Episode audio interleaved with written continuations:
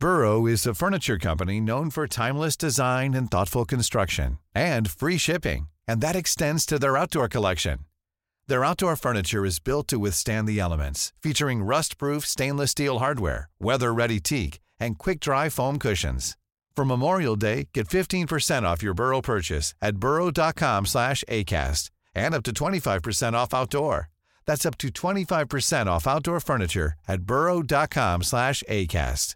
When you're ready to pop the question, the last thing you want to do is second guess the ring. At Bluenile.com, you can design a one of a kind ring with the ease and convenience of shopping online. Choose your diamond and setting. When you find the one, you'll get it delivered right to your door. Go to Bluenile.com and use promo code LISTEN to get $50 off your purchase of $500 or more. That's code LISTEN at Bluenile.com for $50 off your purchase. Bluenile.com code LISTEN.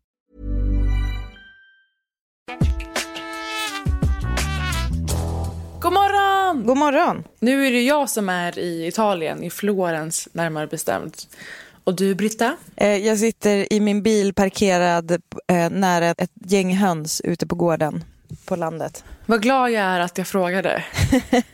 Utan att veta om att det här var svaret. Ja, visst är du glad för infon att det är ett gäng höns? Alltså, grejen är den att det, det, vi trodde att det var höns, men man vet inte förrän de har blivit lite större. Och nu visar det sig att alla är typ tuppar, utom en. Vilket betyder att de är helt värdelösa för oss. De är helt värdelösa för alla. Ja, för världen. Starkt. På tal om tupp. Jag tänkte börja min dag med frukost här på terrassen för att vakna upp ordentligt inför den här inspelningen.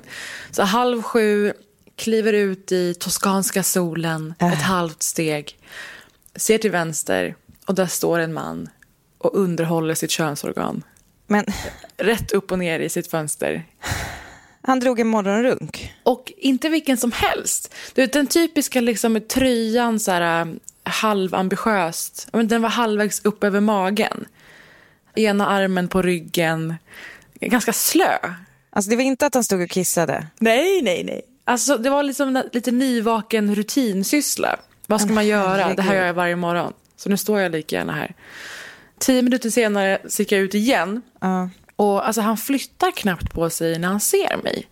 Det kanske är en sån som tycker om tanken av att han blir Men självklart. Men självklart. Varför gör han det annars i fönstret? Alltså hur lite respons skulle det ge om jag ringde polisen här i Italien? Ja, alltså eh, noll, noll till 0,0. De skulle föreslå att jag gick dit, typ. Att det skulle vara min plikt De att hjälpa det honom var, att en, fullfölja. det var en invit. Följ den kvinna. Ja, men sen kom jag på att han är lite av, han kanske gör ett så kallat content-offer.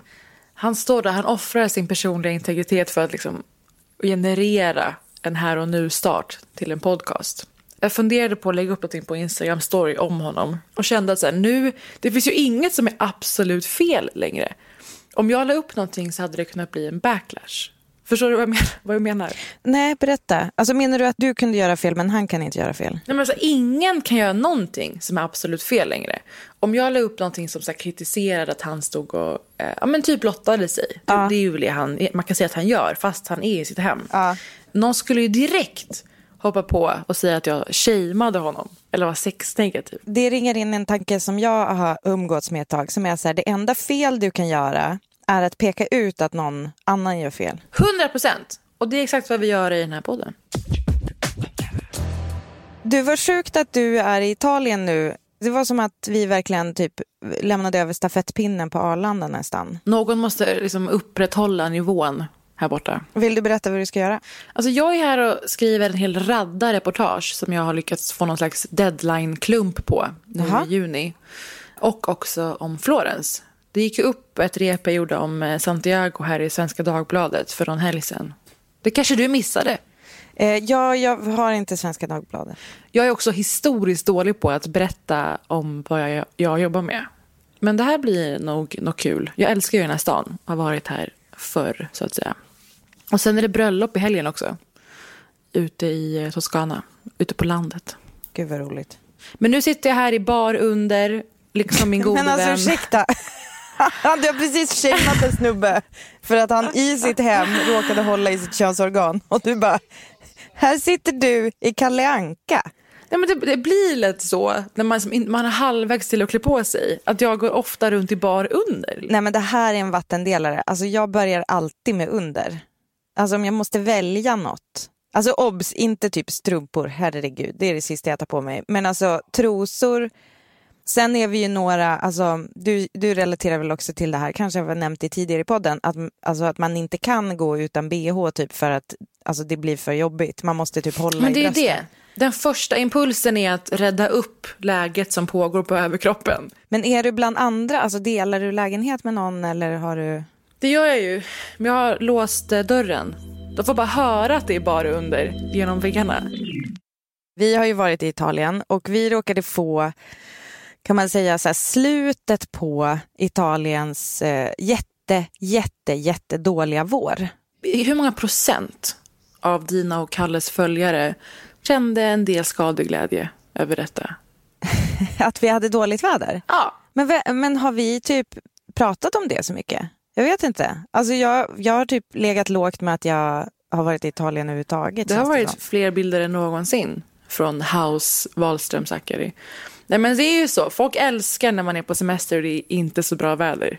Det är det Ja, bästa okej. folk Jo, vet. men det, fast det var ju ganska dåligt väder här. Det bästa folk, alltså när folk riktigt får ett gott njut, det är ju när de är hemma i Sverige och det är kanonväder och någon är utomlands och de bara Var det skönt i Italien eller? Det är det största svenska njutet som finns.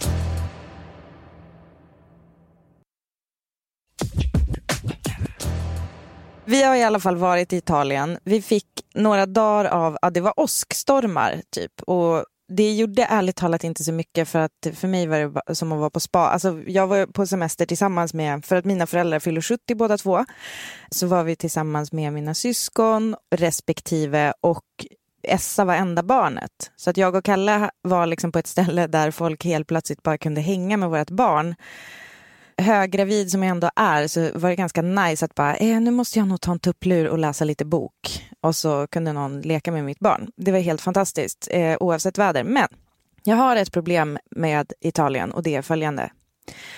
Det är så himla orimligt att tänka så här, nej men det är ju ett varmt land, vi behöver inte täcke.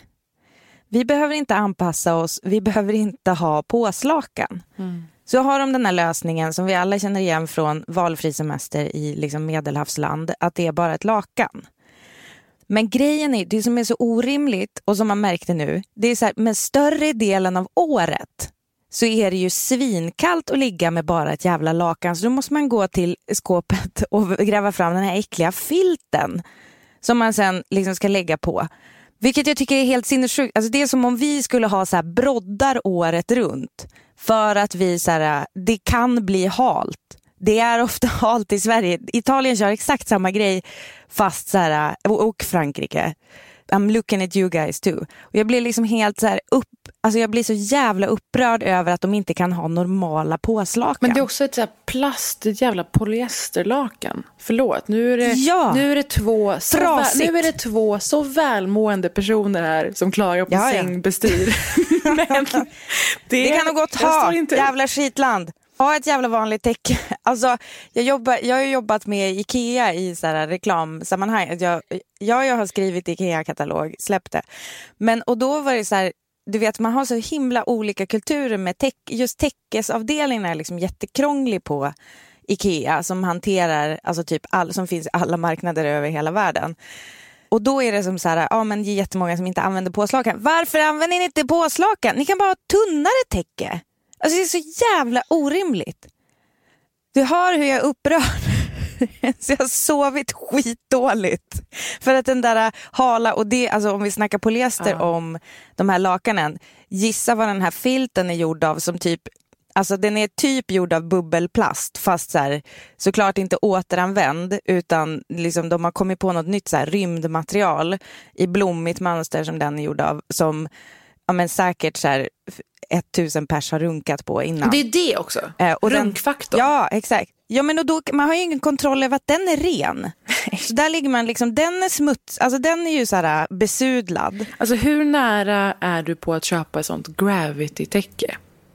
Tunga täcken. Jag provade det i New York, låg i en butik under ett sånt täcke och kände mig så trygg. tillbaka i livmodern. Det där gör de ju reklam för väldigt mycket i så amerikanska poddar som jag tror vi båda lyssnar på. Det roliga med det är ju att eh, första gången jag stötte på det så var det i sammanhanget som jag faktiskt tror att det hör hemma, nämligen som ADHD-hjälpmedel. Ja. ja. Alltså det är så här, kedjetäcke heter det då. Men det ska du få av mig som, eh, som pushpresent. När du har klämt ut den där ången. Men alltså jag har, aldrig, jag har aldrig sovit dåligt. Det jag sover dåligt av är Italiens jävla filtlösning ovanpå lakan. Sluta med det.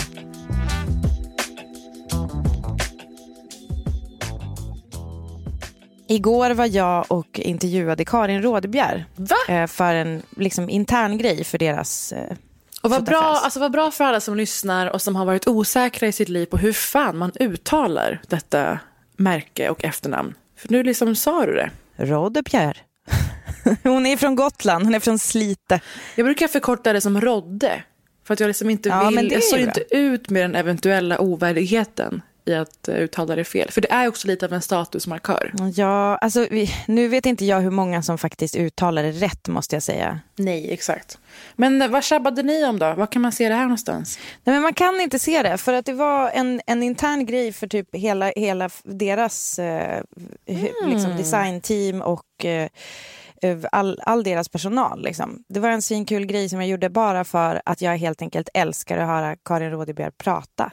Vi har ju tidigare pratat om eh, att jag har varit på ett slags eh, bokcirkel kan man säga, så här, författarsamtal som de brukar anordna i eh, sin butik på Norrmalmstorg så har de ju som ett litet rum innanför butiken som eh, heter Vaginan.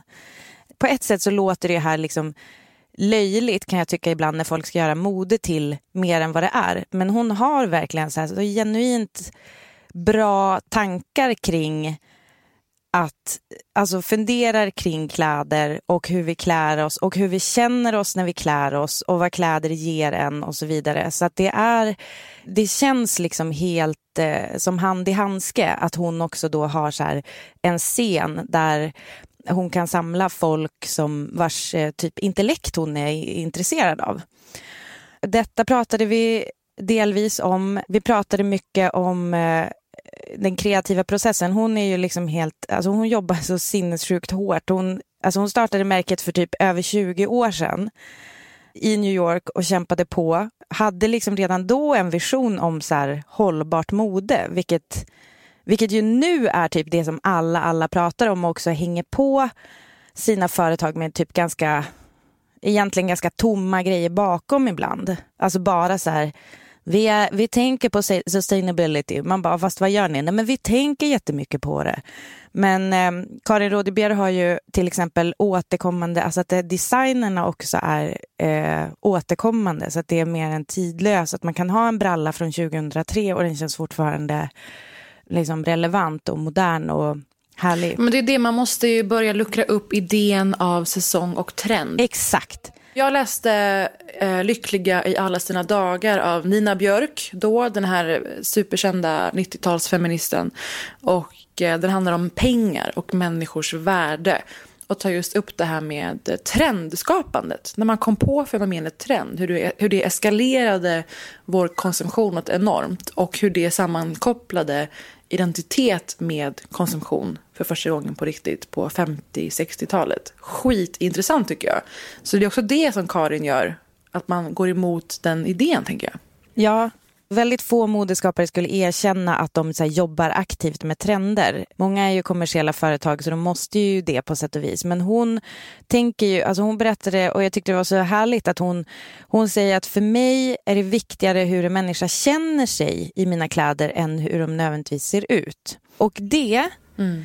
var så jäkla coolt att vi hade prick det samtalet när jag senare på kvällen kunde se Busy Phillips prata i The Capitol om sina erfarenheter av abort och varför man måste hashtag stop the bans iförd en rådebjärklänning. Är det sant? Du noterade inte detta? Ja, alltså den klänningen bar för övrigt Lena Endre när jag delade ut ett pris till henne på Guldäggsgalan. Mm. Eh, så hela Dramaten-casten hade typ rådebjärkläder på sig. Det var helt sinnessjukt. Så man kan säga att Karin eh, sp sponsrar revolutionen? Det är ju något som gör att massa olika coola kvinnor eh, gillar att klä sig i rådybjär och Karin berättade också själv att eh, för jag frågade så här, det är ju såklart en struggle i början och när kände hon att det vände? Hon bara, ja det var kanske när Meryl Streep hade en rådbjärklänning på sig på någon gala. Kanske bara, var det det. Kan vi ta en paus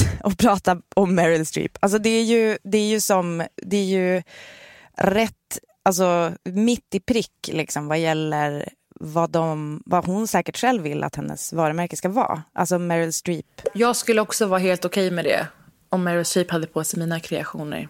Ja, precis. Att få en Meryl Streep stamp of approval är ganska, smäller ganska högt. Men kul. Hon kanske kan vara gäst i podden någon gång, om vi gör någon intervjupodd någon gång.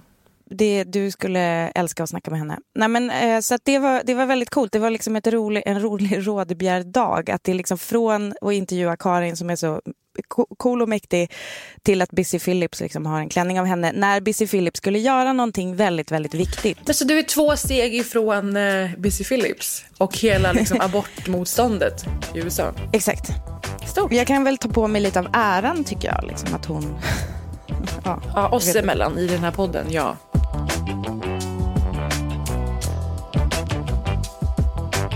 Sen så har jag ett jättekort tips och det är att jag tycker att man kan lyssna på PP3 nästa vecka där jag ska vara eh, Oscar Sias eh, kompis hela veckan. Mm. Sitta med honom i PP3.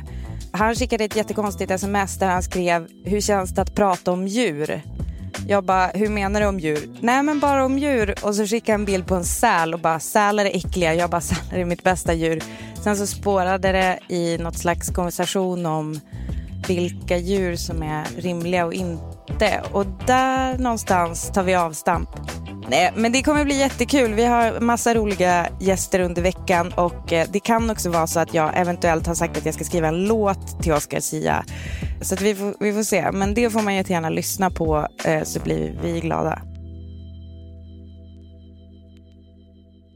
Britta, snart är det ju dags för den nya filmen Late Night från eh, Mindy Kaling ja. och Emma Thompson. Otroligt. Och det handlar ju om en kvinnlig late night host och eh, kampen i den medievärlden för både kvinnor som är på liksom, den lägre skalan av status och eh, högst upp kan man säga, även för de eh, toppeliterna som då Emma Thompson spelar, i och med att hon är den kvinnliga late night hosten.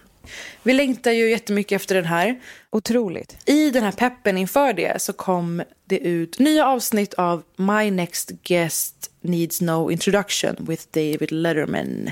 Har du spanat på det här förut? Nej, det har jag faktiskt inte. Jag, inte alls? Jag, jag känner mig så medelintresserad av David Letterman. Alltså verkligen medel. Jag är inte helt ointresserad, men det är inte det är inte prio. Det var det jag ville komma till, alltså vad Letterman är för dig på något sätt. För i förra säsongen så träffade han bland annat Jay-Z och Tina Fey.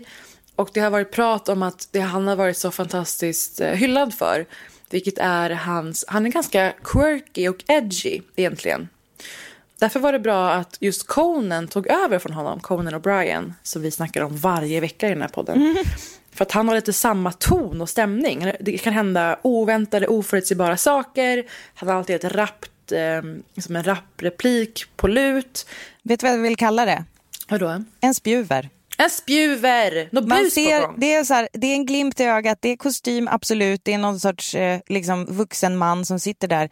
Men sen helt plötsligt bubblar det ut något liksom, lite, ibland bara helt OT och ibland mm. liksom träffsäkert och jävligt kul.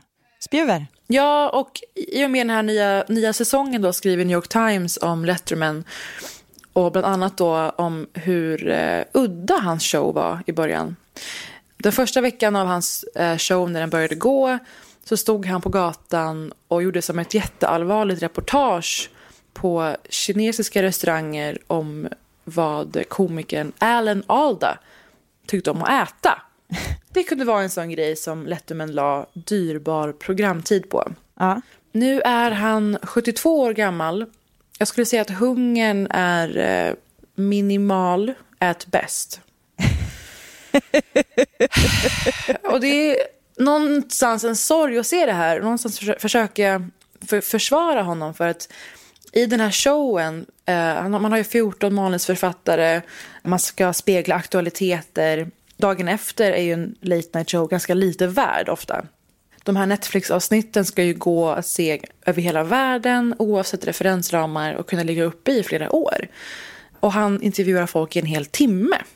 Ja, alltså skillnaden mot den tio minuten det är annars på late nights. Jag såg ju, var på Stephen Colberts show i New York och såg när han intervjuade Paul Giamatti. Det var ju ett sånt jävla maskineri. In och ut, liksom tre, fyra för, eh, förhandsskrivna liksom, repliker och motrepliker. Och sen var det slut. Mm. Och du kanske redan har sett att det har varit så mycket rubriker om när Letterman träffade Kanye West. Kanye. How do I look? Do I look okay or do I look... Alltså jag har sett noll rubriker om David Letterman. Jag tror att jag sållar, ärligt talat. Alltså jag... Men berätta gärna vad som hände. Så här, i intervjun med Ellen DeGeneres, de har ju otrolig dynamik, har igång. Jag är ju besatt av eh, att höra om folk som har haft otroliga motgångar i livet och vänt. Det mycket det är vi alla. livssituation just nu. Ja, men alltså, du... skäms inte, vi har alla det. Och jag älskar också late bloomers, folk som boomar när de är 45 eller 36 som vi sa om John Hamm. Ellen DeGeneres öppnar ju upp sig bland annat om en styvpappa som utsatt henne för övergrepp under uppväxten första gången, jättestarkt. Så berättar hon om de där tre åren av arbetslöshet och tystnad efter att hon gick ut som gay i sin show. Förstår du, tre år mm. när man är inne i det måste ju kännas som ett, ett dödsstraff. Mm. Jag har ju haft alltså, den kanske mest alltså, motgångsfyllda månaden i mitt liv precis. Det här har du och jag snackat om off mic ett par gånger. Ja. Någon gav mig en gång ett tips att men vad skulle det handla om i filmen om dig? För då tas ju bara höjd, eller då tas ju bara de mest eh, utstickande ögonblicken med på något sätt. Och inte de här slentrianveckorna av att folk är sega på att svara på mejl eller projekt inte går igenom. Det är ju inte, det är ju sällan med. Mm. Men hon berättar väldigt starkt om de här tre åren och vad som blev vändningen. Det här minns inte jag att det var så här. Men det var ju faktiskt eh, Dory Hitta Nemo. Ja, ja, ja. Do, uh, Doris. Doris. Alltså jag tolkade det som att så här, men Ellen DeGeneres är en världsstjärna, därför är hon Doris. Mm. Men det blev ju en nytändning för henne. Men eh, hon pratar ju, jag har ju inte hört det här hos Letterman, men hon pratar ju om det eh, till exempel, eh, jag tror att jag tipsade i den här podden om när hon är gäst hos Dax Shepard och pratar om det här. Jag tror att vi förstod nog inte riktigt hur bannad hon var. Jag, eh, under tiden som det här hände. Jag vet inte om det är exakt, det var ju lite annorlunda med tid förut när man tittar på saker på linjär tv. Men jag minns det som hennes komma ut-avsnitt var väldigt starkt för jag bodde ihop, när jag gick i gymnasiet så delade jag lägenhet med en av mina bästa kompisar som är gay själv och hade mm. Ellen som väldigt stor idol och när hon kom ut dessutom var ju det så här halleluja äntligen. Så jag såg det ju mer från the gay community-sidan av det. Eh, men hela USA fick ju panik. Och, men där är också Ellen jätteintressant i och med att hon har gått ut med att hon inte ville ha den där manteln. Och det kan ju vara så jävla provocerande. Men tänk att ha levt, liksom, hon är från en religiös familj och har levt med det här i någon slags hemlighet i så många år. Att hon kanske inte kunde hantera det just där och då. Gjorde sig ovän med the straight community av konservativa och the gay community på samma gång. And it took me a few tours to get my audience back because I lost my straight audience. Samtidigt som hon fick kämpa väldigt mycket för att få komma ut. Alltså det var ju som ett ljug hon kände att hon levde med. Låtsades vara ihop med killar, alltså liksom spelade mot killar i serien och sådär. Att hon skulle vara bara en härlig sitcom-tjej som var, som var straight. Men det är ju intressant att fast hon var, liksom, vad var hon, 45 när hon fick den där showen. Alltså The Ellen show, 45! Och man tror ju inte att det, det, det, är så här skenheligt och förjävligt i USA, men det är det ju fortfarande på sätt och vis. And the gay people, like I said, you know, there weren't enough gay jokes and uh, that I wasn't like their comedian and so I was being attacked for, you know, being too gay or not gay enough and I couldn't figure out the balance. Jag tyckte att det var något fint och starkt i att Ellen då inte var en perfekt förebild och fick skit för det. Samtidigt som hon led av att det lilla hon hade gjort är att komma ut. Att vi ja. förväntar oss de här perfekta förebilderna. Och på samma tema träffar man sen Tiffany Haddish. Som jag älskar. Jag har ju läst hennes bok The Last Black Unicorn. Mm. Det är en av de mest skakande och chockerande livshistorier jag har läst. Är det sant? Fiktion, icke-fiktion. Jag har ju eh, markeringar i min Kindle, kanske två, men, alltså två meningar per sida. Det är en alltså, fullständigt gränslös människa och så älskvärd och har varit igenom sådana fruktansvärda... Hon eh, växte upp på olika fosterhem, en mamma som misshandlade henne fysiskt och psykiskt. Hon eh, hade familjemedlemmar som eh, utsatte henne för olika övergrepp. Och sen var gift med en man som misshandlade henne. Ja, historien goes on and on. Hon berättar om det här med en sån otrolig självdistans. I said to myself when I was like 13, I said, man, if I ever get any kind of power, if I'm able to do anything, I'm going to try to figure out a way to make sure kids don't feel like garbage. They don't feel like this because it is. Man kan inte låta bli att älska henne helt och fullt. You're your own person. Och David Letterman känner likadant. The power of you is overwhelming and, and delightful. Oh, thank you. Men nu då till det som alla vill, vill att vi snackar om. Ladies and gentlemen, do me a favor. Please welcome Kanye West. Letterman har samma värdighet i den här intervjun som en förälder som försöker motverka ett utbrott på ICA. Det är ständig tassa på tå-stämning. Varför? Jo, fan jag vet inte riktigt. Det känns som att Kanye har blivit känd som den här personen som kan spåra hur lätt som helst. Jag misstänker att avtalet är att Kanye får bestämma att det här inte sänds alls om han är missnöjd. Att han bara medverkar på, på premiss, under premissen att det, han har typ full... Eh, han, har vetorätt. Ja, och det är något så fruktansvärt sorgligt som uppstår då och jag tycker att det är talande för utvecklingen i stort.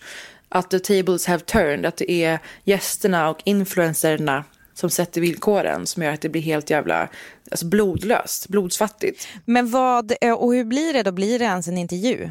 Eller det är, det... att Kanye håller monolog? Nej, men så här. New York Times går ju ut med en text som slår fast att David Letterman har lanserat Letterman 2.0, the non-ironic version. He skips jokes and rarely challenges his guests. What happened? Och så här är det, det går ju någonting förlorat i dynamiken. När någon blir inbjuden till en stor late night show så är det ju på showens villkor. Det är de som har hundra miljoner tittare.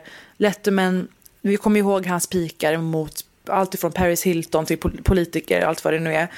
De vet inte vad de kommer utsättas för.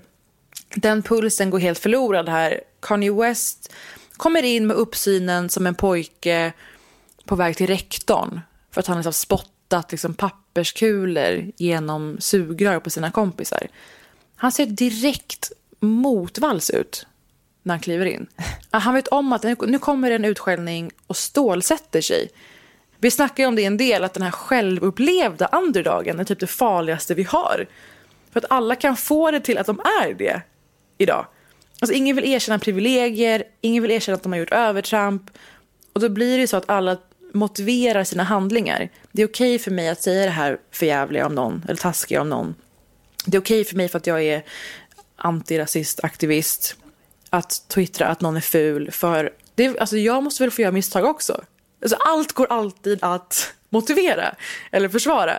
Letterman har ju tidigare haft den här makten och kanske nu känner sig irrelevant och urholkad på något sätt. Det blir ju svårt med en intervju när den som ska intervjua känner sig helt eh, liksom kastrerad och den intervjuobjektet är i försvarsposition. Alltså inget bra kan komma ut ur det. Och inte bara det, utan hela Lettermans personlighet går ju förlorad. Kanye säger en sak som är så uppenbart självupptagen, och upp, uppblåst och banal. Och Letterman tar det så här. I have a friend that told me my power was my influence. And I said, my power is the ability to not be influenced. Wow. Va? Ja, fast alltså nu, för jag, nu känner jag ändå lite så här, vad ska han säga? Alltså det talar ju för sig själv. Alla som tittar på det, det är lite så där som jag kan känna ibland när, när vi gör tv, att jag och Kalle har ju som ganska ofta blicken i kameran kommunikationen som är så här, om man hänger med någon som gör något som den tycker är helt rimligt men som jag, inte vet jag, när jag, eh, någon, någon visar mig hur man flår en bäver. Eh, och det, Det är, inte den personen, kod, det är inte kod för att dra en tjejrunk. Nej, Jag har försökt var få en, det här att slå, Det var en det actual vattendjuret bäver. Eh, och det, vilket den tycker är helt normalt, medan jag och tittarna förmodligen tycker att det är så här, helvete, det är verkligen en människa som flår en bäver. Och att jag då kan ha liksom, den kommunikationen med kameran. Och det känner jag lite grann här i Lettermans svar. Att Wow. det är så här, eh, okej, typ.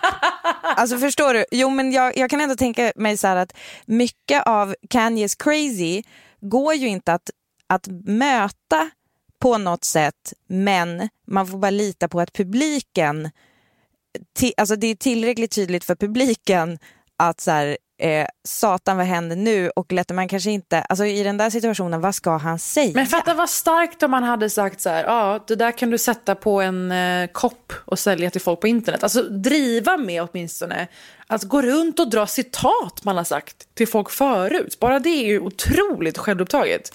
Men eh, det fortsätter. Eh, de kommer in på Drake bland annat och den beef de hade förra året. An artist which I will not mention because I'm not allowed to mention him or any of his family members uh, has a line. No, no, wait a minute. That's fairly provocative. What, what happened there? Och här kommer ändå eh, Letterman med en följdfråga. Så Vänta nu, vad händer där? Som att han så faktiskt vill ha mer info. Men han har ju ingen mandat. Han har ju ingen mandat i situationen. Och när det sen lyfter är ju när det oundvikligen såklart närmar sig eh, lite svårare frågor som metoo och Trump. Åh herregud. There's no such thing as the 100% good guy. You know, like in the Me Too era, which we're still in a bit, but for that two years where men in powerful positions were all like, What did I do over the past 30 years of my life? That level of fear. I would submit that it's not equal by any equation to the fear women feel being the other side of that.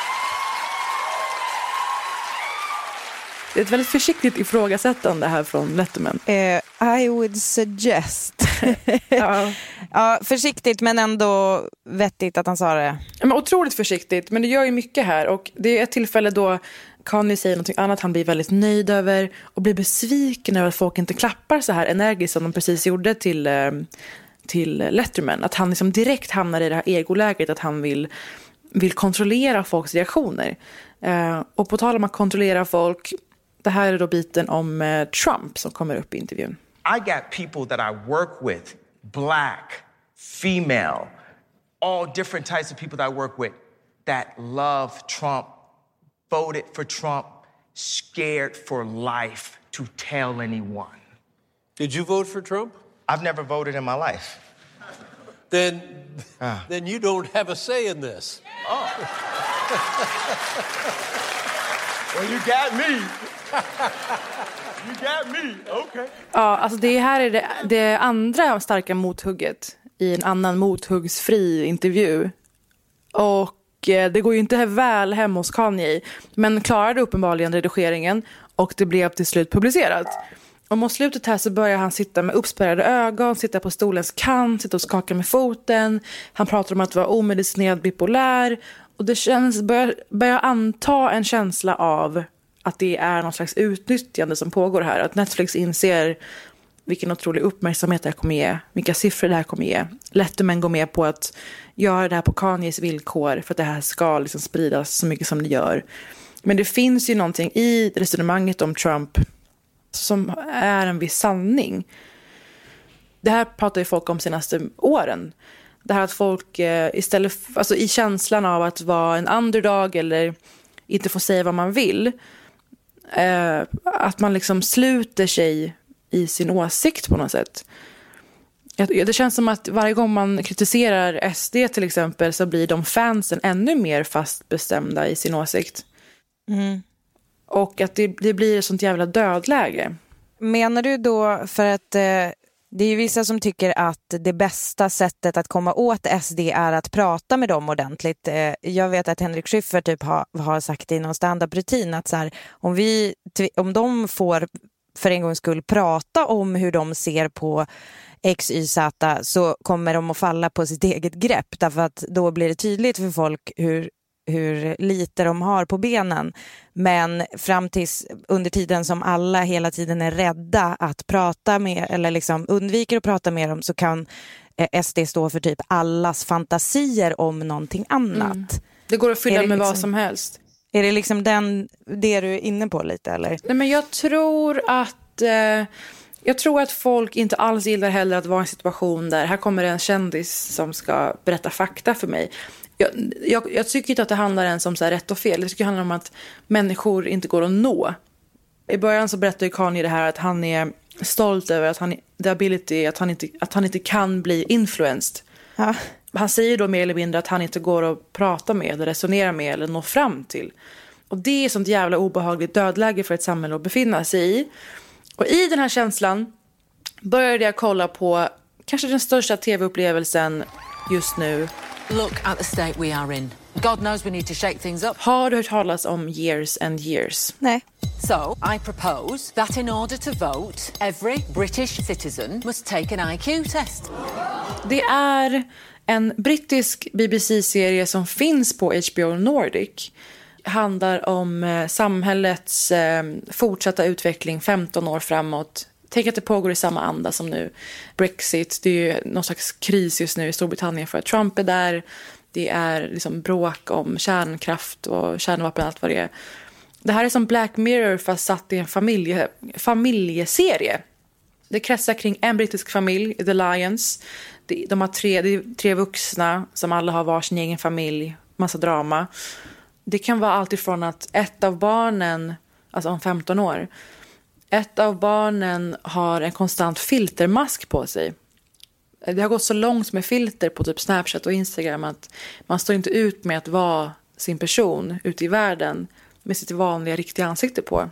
För det är så många som har sett filtret att man kanske känner att man kan skydda sig bakom det. Alltså, du, du menar som ett par Google-glasögon typ, fast ja. det filtrerar verkligheten? Hela ansiktet och du är en bebis, du är en katt. Alla de här sakerna som vi tar på oss på Instagram och Snapchat för att kunna maskera oss lite, vilket hur vi ser ut Jaha. den dagen eller vilken känsla vi är i den dagen. Det, det, sitter på personen, det är inte något som filtrerar vad den personen konsumerar? Nej, nej, den sitter utanpå personens ansikte okay. som, en, som en mask till slut, det går så långt det här att människan inte står ut längre med att vara sin fysiska kroppsliga uppenbarelse.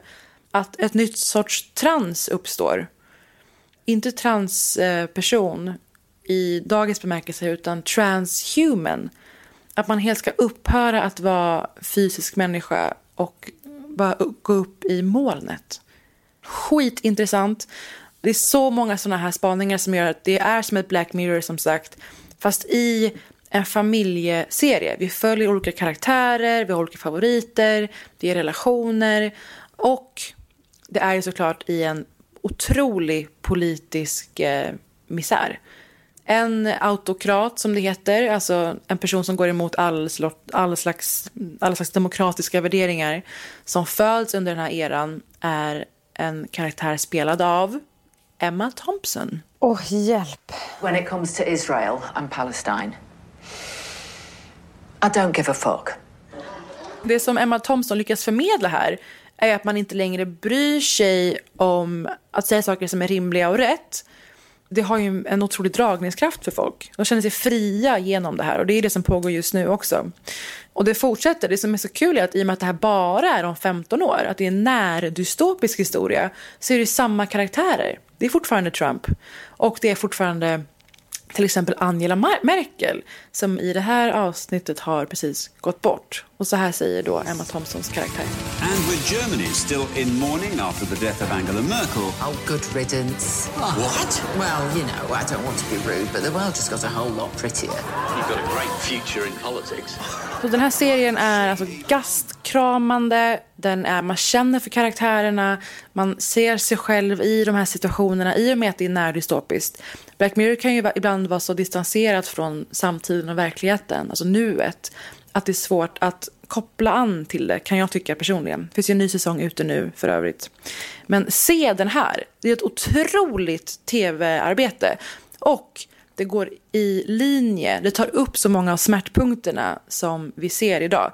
Vilka som dikterar media och vad människor, vad befolkningen går igång på och söker. But I have got you listening now, haven't I? Jag kommer se det här direkt. Years and years med Emma Thompson på HBO Nordic. Vad kul det är Britta att få prata med dig varje vecka och ventilera terapi nästan och med er lyssnare. Och vi ses som sagt på vårt event 11 juni 17.00. Vi är jättelyckliga över att vi ska få göra det här. Vi älskar er.